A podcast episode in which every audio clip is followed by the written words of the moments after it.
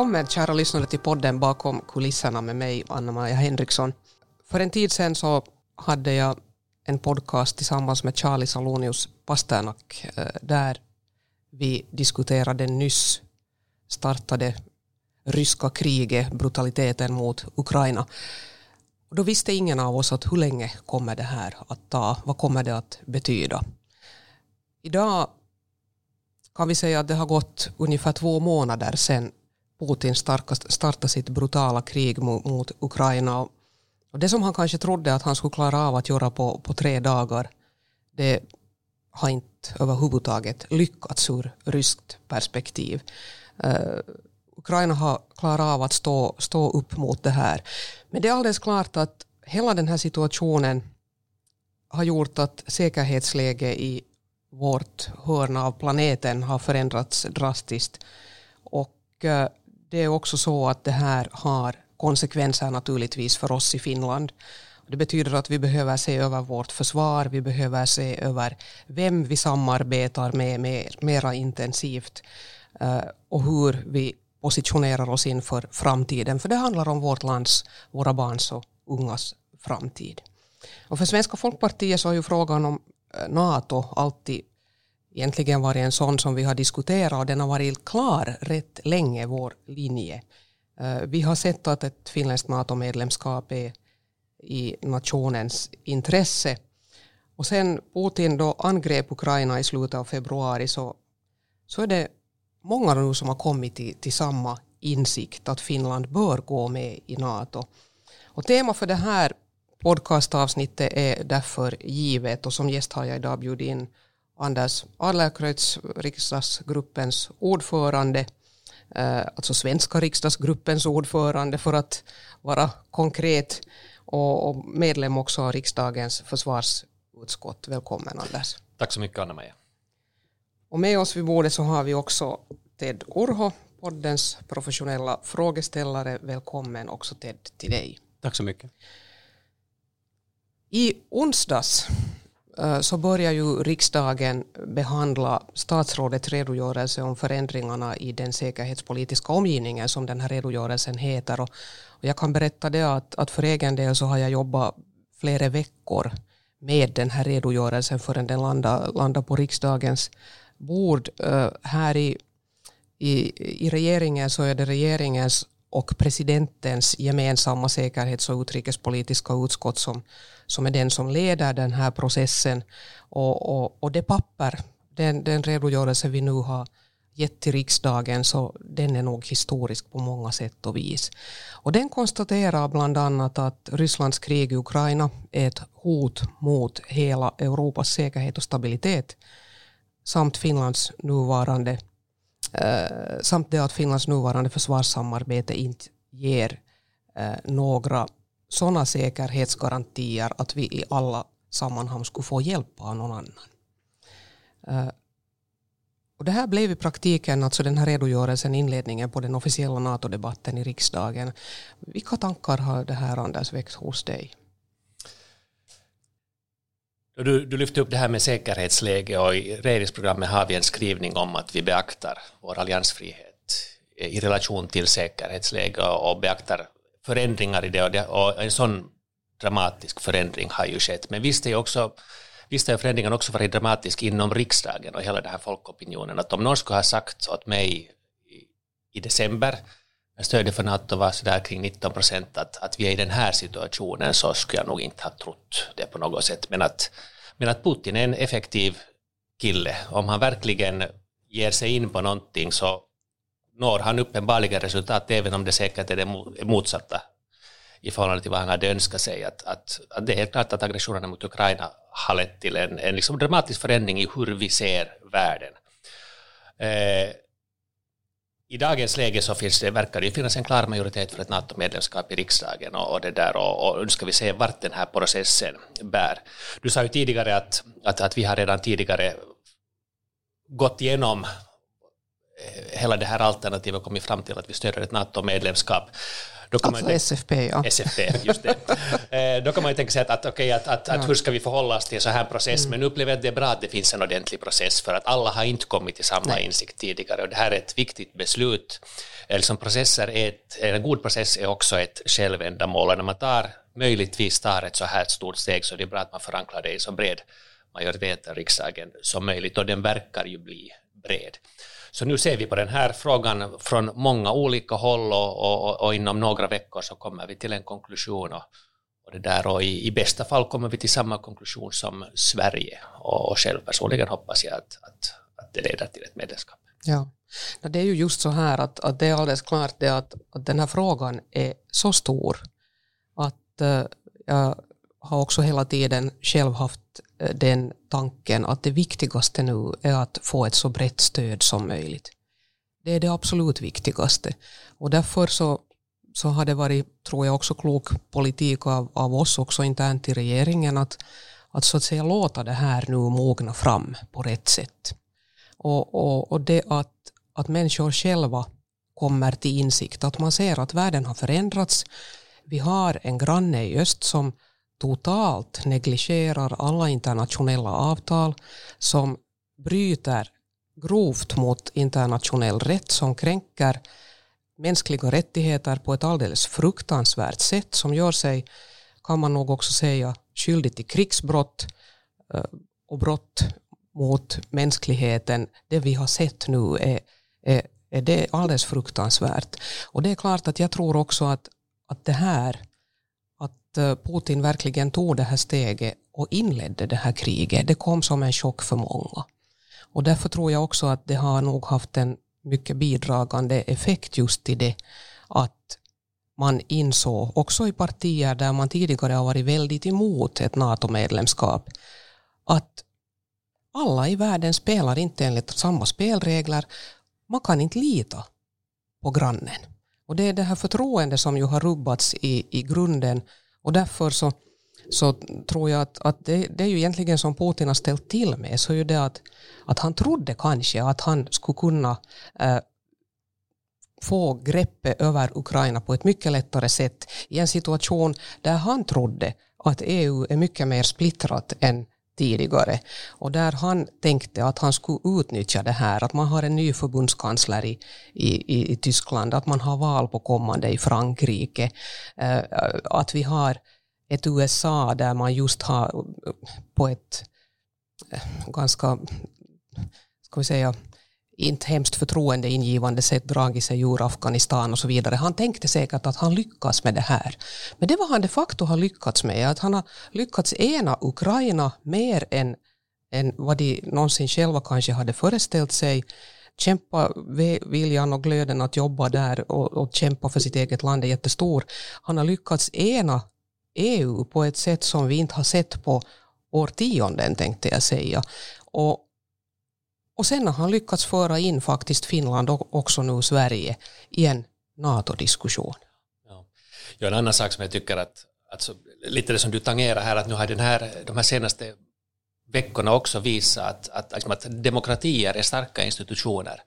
Att, att en auktoritär stat så står sig slätt mot, mot också en sån här brokig skala, skara demokratier som, som EU. Och, och det syns ju också, också i Ukraina en sån här toppstyrd maskin som, som Rysslands försvarsmakt, där allt hänger liksom på, på personen som sitter högst upp, vilket betyder att ingen vågar ta ansvar för någonting, folk vågar inte agera självständigt. När de sen konfronteras mot eh, då Ukraina, som visserligen kanske inte är en fullständig demokrati, men en demokrati dock, där folk känner för sin sak, mm. där folk vågar bära eget ansvar, vågar agera självständigt, vågar improvisera i stunden, Eh, så funkar det inte. I en auktoritär stat så hänger allt på toppen. Om toppen fattar fel beslut så, så, så, funkar det inte. Så blir det ju dramatiskt och det ser man ju också nu. De här tuffa sanktionerna nu som hela västvärlden har förenats i mot Ryssland så har ju lett till det att eh, deras BNP sjunker ju som en sten. Eh, kassan börjar snart vara tom och frågan är ju den när människorna på gatan börjar se det. Men då igen så kommer vi tillbaka till det här att, att att vad betyder det här nu då för Finland? No, det betyder ju i praktiken det att vår relation till Ryssland den kommer inte att bli det vad den har varit tidigare. den kommer inte att återgå efter en eh, ska vi säga, överskådlig framtid. Det finns tyvärr nog inte det i sikte nu, utan, utan nu är det så att vi behöver tänka till och, och fundera att på vilket sätt är vi då bäst tryggade? Och det kan man väl säga att om man lärde sig någonting, jag kommer ihåg att att många, många som ju var med i vårt eh, krig kan man väl säga mot Ryssland då, vinterkriget och, och, och sen fortsättningskriget. De lärdomarna som kom därifrån var ju det att se till att ni inte blir ensamma mm. igen. Och den lärdomen så bär jag nog själv med mig och har gjort kanske nog en väldigt lång, lång tid. Och därför har det för mig kanske inte varit så svårt heller att, att, att eh, ställa mig positiv till ett NATO-medlemskap för jag har, jag har resonerat ganska pragmatiskt. Och det tror jag vi har gjort i SFP, de flesta av oss. Men det är klart att nu måste vi också kunna förklara att vad det betyder och vad det inte betyder. Ja.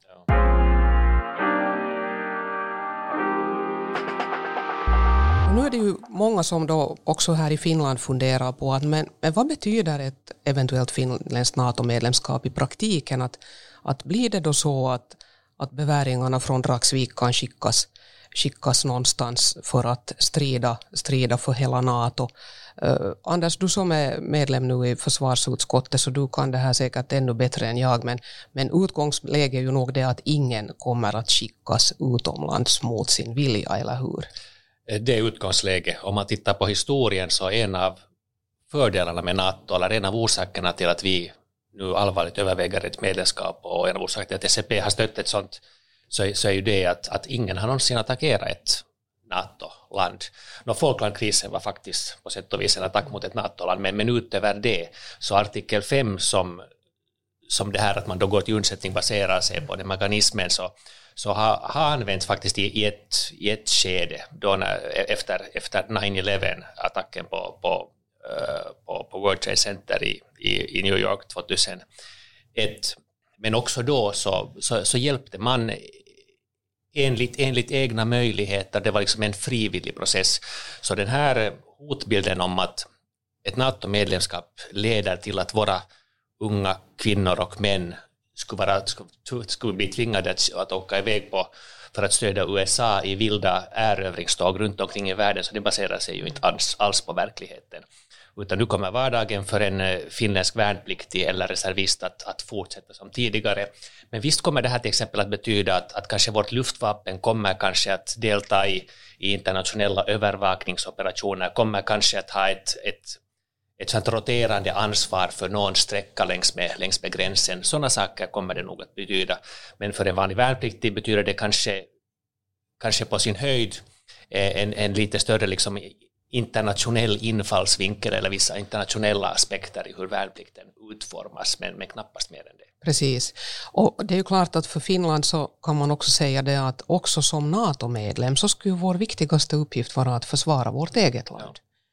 Och, och, och, det tror jag ju att är någonting som vi också behöver hålla framme i, i, diskussionen att, att det betyder ju inte på något sätt heller att vi skulle avstå nu från den allmänna värnplikten. Det tycker jag inte att vi har alls orsak ens att börja diskutera. Nej, det är nog enormt viktigt och, och det där ska vi säga så här att en av orsakerna till att Finland är, är så attraktivt som NATO-land också också ur de nuvarande medlemmarnas synvinkel är ju det att vi har en stark försvarsmakt, att vi har en, en, en försvarsmakt som baserar sig på en allmän värnplikt och att vi är kapabla att försvara vår egen gräns.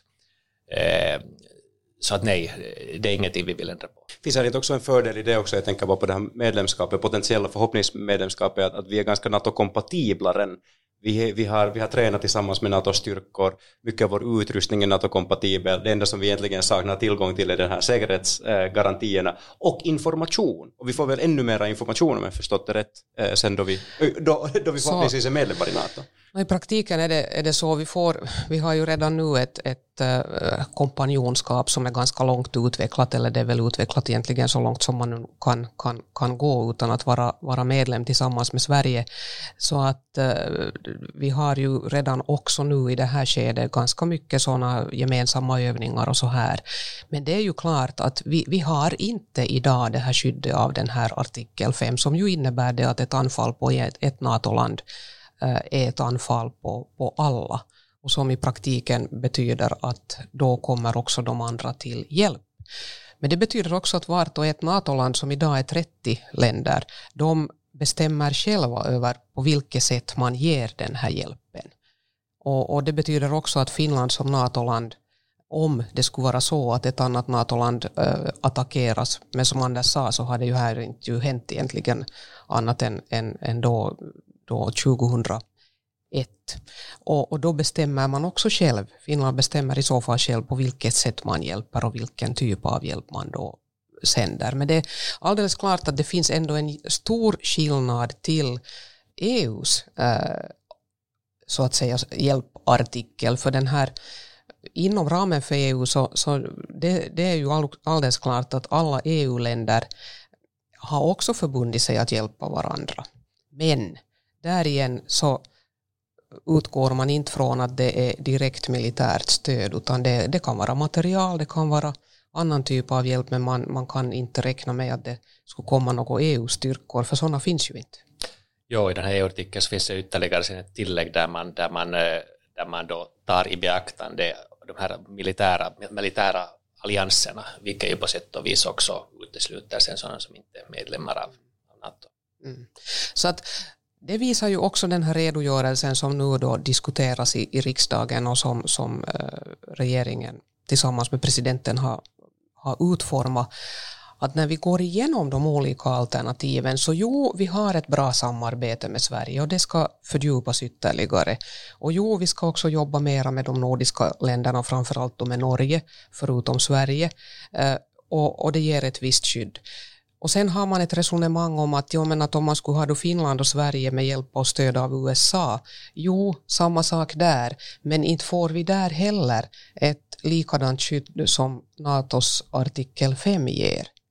Mm, och det är egentligen det nu som är ett faktum och det är den frågeställningen som nog är den som är högst på bordet.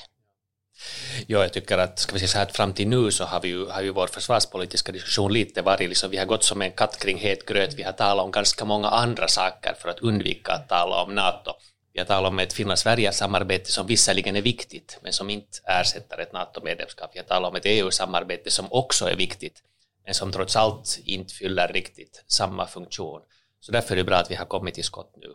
Ja, så är det, så är det nog. Och jag håller med dig Anders, som du sa här inledningsvis, att om någon skulle ha sagt det här i december, att vi i april i år har en situation i Finland där vi på allvar diskuterar ett NATO-medlemskap och där man börjar nog se att det finns en majoritet i Finlands riksdag för det, så skulle ju nog knappast någon ha satt hemskt mycket pengar på det var det. Men det har ju också skett förändringar i Sverige och det ska vi just prata lite mer om.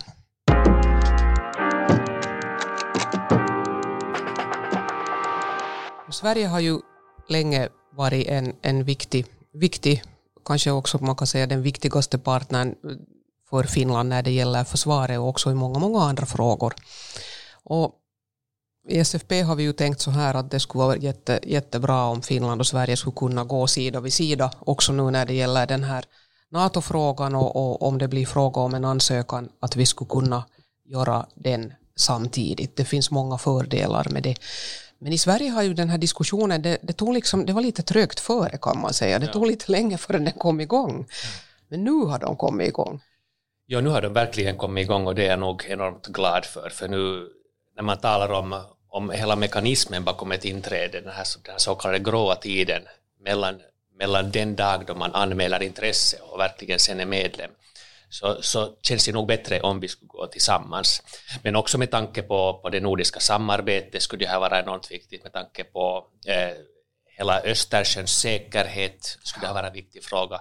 Också med tanke på logistiken inom NATO så, så är, det, är, det, är det viktigt. Men sen så tycker jag också att, att om, man, om man tänker nu liksom på de nordiska länderna som en ganska homogen grupp, så, så nu upplever jag också att det är viktigt sen inom NATO, att, att, att det är ett starkt enat Norden som alla stöder samma princip, som verkligen kan inverka på hur NATO fungerar. För NATO är ju trots allt en demokratisk institution som styrs av en norsk socialdemokrat. Att, att om vi där, alla nordiska länder är med, så tror jag nog att vi har en, en, en, en att vi, vi, vi kan påverka hur NATO styrs och hur NATO utvecklas. Ja. Ja, jag delar, delar fullständigt den här synen och det är alldeles klart det att, att nu skulle det här ju också föra in det nordiska samarbetet i en helt ny era kan man säga. Mm. För försvarssamarbete så har det har hittills det har varit liksom lite utanför det normala nordiska samarbetet. Jo, vi har Nordefco och, och, och nog den biten, men när man, när man har haft nordiska rådets möten så, så har försvarsfrågorna inte diskuterats där i hemskt stor grad. Och, och nu skulle det ju ge också också, precis som du säger, så internt inom NATO så skulle nog Norden skulle bli starkt. Ja. Och det skulle ha nog, tror jag, också en, en betydande äh, roll för säkerhetsläget i Östersjön att Finland och Sverige bägge skulle vara NATO-länder. Ja. Att ett sådant alternativ att antingen det ena eller andra landet bara skulle vara så, det tror jag inte skulle vara lyckligt. Ja, ja. Det som vi som, eh, som, som Ted tog upp här tidigare, det här om att, att vi är hyggligt NATO-kompatibla, så det gör ju också att, att Sverige och Finland som eh, potentiella medlemmar i en, i en ganska annorlunda situation jämfört med de, de senare tillskotten, tidigare tillskotten, till exempel Montenegro, där var det ju en mycket längre process också därför att kompatibiliteten var oklar. Det fanns många andra, andra saker att, att ta i beaktande, men här handlar det om om två demokratiska länder som alla har en fungerande försvarsmakt som alla är mycket NATO-kompatibla. Det är också därför den här processen förväntas bli kortare. Så är det. Eh, jag har varit i kontakt också med, med min eh, goda kollega Centerpartiets ordförande i Sverige, Annie Lööf här, också under, under resans gång och talade med henne i telefon här för en tid sedan. Och, och det där eh, helt enkelt också för att upplysa henne om att det här tåget är nog i full rullning här ja. i Finland och, och, och Centern i Sverige och, och det som eh, tidigare eh, var så att säga alliansen i Sverige, så de partierna har ju haft en positiv NATO-inställning, med Sverige är det Socialdemokraterna som ju är det så här stora stora frågetecknet eller har varit det och, och, och, nu ser man att nu har Magdalena Andersson också satt fart på, på, på sossarnas interna process i Sverige. Ja, det här är ett tecken på att, att när, då när saker upplevs vara viktiga om man ser att världen förändras så har, en, har demokratier en förmåga att agera, också liksom svänga kurs, se på, se på omvärlden på ett objektivt sätt och, och kanske ändra sitt tidigare förhållningssätt. Ja. Så är det nog, jag tror också nog att det har en viss betydelse att, att Finland också leds nu av en socialdemokratisk statsminister eh, som leder alltså ett parti där man också i Finland nu håller på och byter åsikt. Man har ju inte ännu riktigt kommit ut med det, men nu tyder ju allt på det att Socialdemokraterna också i Finland snart stiger på det här tåget. Och det här tror jag hjälper också den här interna processen i Sverige. Men själva den här, vi talar mycket om process här nu, men det, det handlar ju nog också om det att, att den här resan eh, är, är, är, viktig därför att det handlar om att samla enigheten. I en demokrati vill vi att så många som möjligt ska vara med på tåget. Och i riksdagen så kan vi kanske uppskatta nu att den här diskussionen och behandlingen av den här redogörelsen, det, vi brukar säga att riksdagen tar den tid riksdagen behöver, men jag tror att många i riksdagen upplever att man gärna jobbar intensivt med det här nu. Ja, nu är det här en hög prioritet i alla utskott. De flesta utskotten kommer att behandla det här på ett sätt eller annat, men det som kallas det här viktigaste utskottet, det så kallade betänkandeutskottet, är då utrikesutskottet som ger det här slutliga eh, dokumentet, dokumentet i den här eh, i den här frågan. Eh, men som sagt, eh, i dagens läge ser det ut som om, om majoriteten skulle bli stor. Det finns ett, ett, ett stort stöd bakom det här. Och, och, det är viktigt också med tanke på det att, att menar, det, här är, det här är en bedömning som vi gör och framtiden är oviss och ingen kan med säkerhet veta hur framtiden ser ut och därför är det också viktigt att, att vi alla förstår vad vi beslutar om och att vi alla står bakom det här beslutet och sen går vidare tillsammans, att man inte sen senare plötsligt ändrar åsikt och, liksom svänger kappan utan, utan det här är nu ett beslut som ska förankras, ett beslut vi ska stå bakom och, och, och kunna ta ansvar för. det är exakt så här och det har ju också, kan man säga, republikens president här, här hemma hos oss, han har varit mycket tydlig med det här också, att, att det, det är viktigt att när man väl har tagit beslutet så står partierna sen också bakom det. Och det, det, för vi måste ju vara förberedda på det. Vi ska ju inte tro att, att man ser med blida ögon på, på den här frågan i, i, i, det där, i Kreml, utan vi, ska, vi måste vara förberedda på också det att, att nu kommer det att komma reaktioner. Och, och, och, då gäller det som att, att stå stadigt med fötterna på marken också när de här reaktionerna kommer och, och kanske folkopinionen igen kanske svänger mm. åt något håll. Och då måste man klara av att palla för det här trycket och det är det som som du talade om här tidigare också Anders, att den här så att säga gråa zonen, det här, den, det här skedet, låt säga nu att vi skulle lämna in en ansökan här under våren före midsommar, eh, så det här skedet fram till det att vi är, är sen godkända, för det är 30 länder som ska godkänna i sina parlament. Och det kommer ju naturligtvis att ta eh, säkert flera månader, normalt tar det ju ett år ja. kanske att bli medlem. Och, och, och då är det klart att det är den tiden som är, som är, som är ju den där, där det säkert också kommer att synas eh, på olika sätt i vårt samhälle att, att eh, man i öst ogillar det vad vi håller på med. Ja, ja. men det där, men här så ska jag säga att jag, jag, jag litar nog på det fin, finska folket, det finländska folket här att, att vi har eh, eh vi är hyggligt resilienta och ja, om man tänker på, på den påverkan som redan har, har idkats på Finland så har det ju snarare lett till att, att stödet har höjts än, än sänkts. Vi har en medie medieläskunnig befolkning, man kan skilja sanning från, från det som kanske inte riktigt kan klassificeras som sanning och så vidare. Men visst måste vi vara beredda på mycket. Vi såg ju redan vad, vad Zelenskis tal ledde mm. till, det var ju hybridpåverkan i ganska mild skala.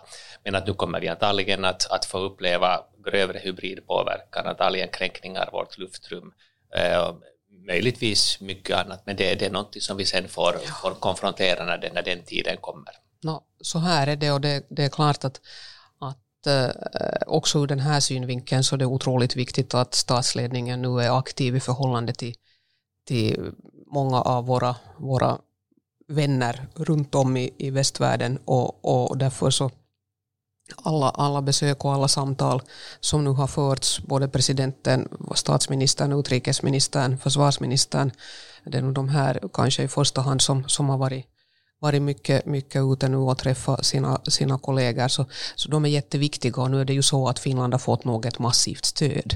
Och, och, och det, det, så ur den synvinkeln så är utgångsläget bra. Och så ska vi ju minnas det att uh, i slutändan så handlar ju det här om det att, att vi vill skydda Finland så bra som möjligt och vi vill göra det så oattraktivt som möjligt att ens tänka tanken att anfalla oss någonsin. NATO är ju en försvarsallians. Eh, det handlar uttryckligen liksom inte, vi, alltså NATO övar ju inte ens anfall österut till skillnad mot vad, vad vår östra granne gör västerut. Det handlar om att höja tröskeln, göra det som du sa så oattraktivt som möjligt. Och där är just grundfunktionen den att, att, att i ett normalt läge så kommer det här ju inte att ändra på nästan någonting längs med vår östgräns. Det är fortfarande eh, finländska värnpliktiga reservister som ansvarar för, för liksom det här primära arbetet. Eh, I fredstid ändrar ingenting, det finns ingen oro ingen, ingen orsak till oro från Rysslands sida heller. Men ifall någon, låt oss säga Ryssland, eh, beslutar sig för att attackera så då ändras situationen. Då har vi det stöd som, som eh, alliansen ger oss och, och det är ju betydande. Vi talar om oerhört viktiga frågor och, och jag är jätteglad för det att eh, vi har kommit så här långt. Bra, där tror jag det är dags att avsluta för idag. Tack Anders för att, att du var med. Tack för det här samtalet. Och eh, tack också till Ted för, för din insats här idag. Och som vanligt om du har en fråga eller kommentar så går det bra att skicka in den via e-postadressen podden sfp.fi eller via SFPs Instagram. Mitt namn är Anna-Maja Henriksson och det här är podcasten bakom kulisserna. Tack för att du lyssnade.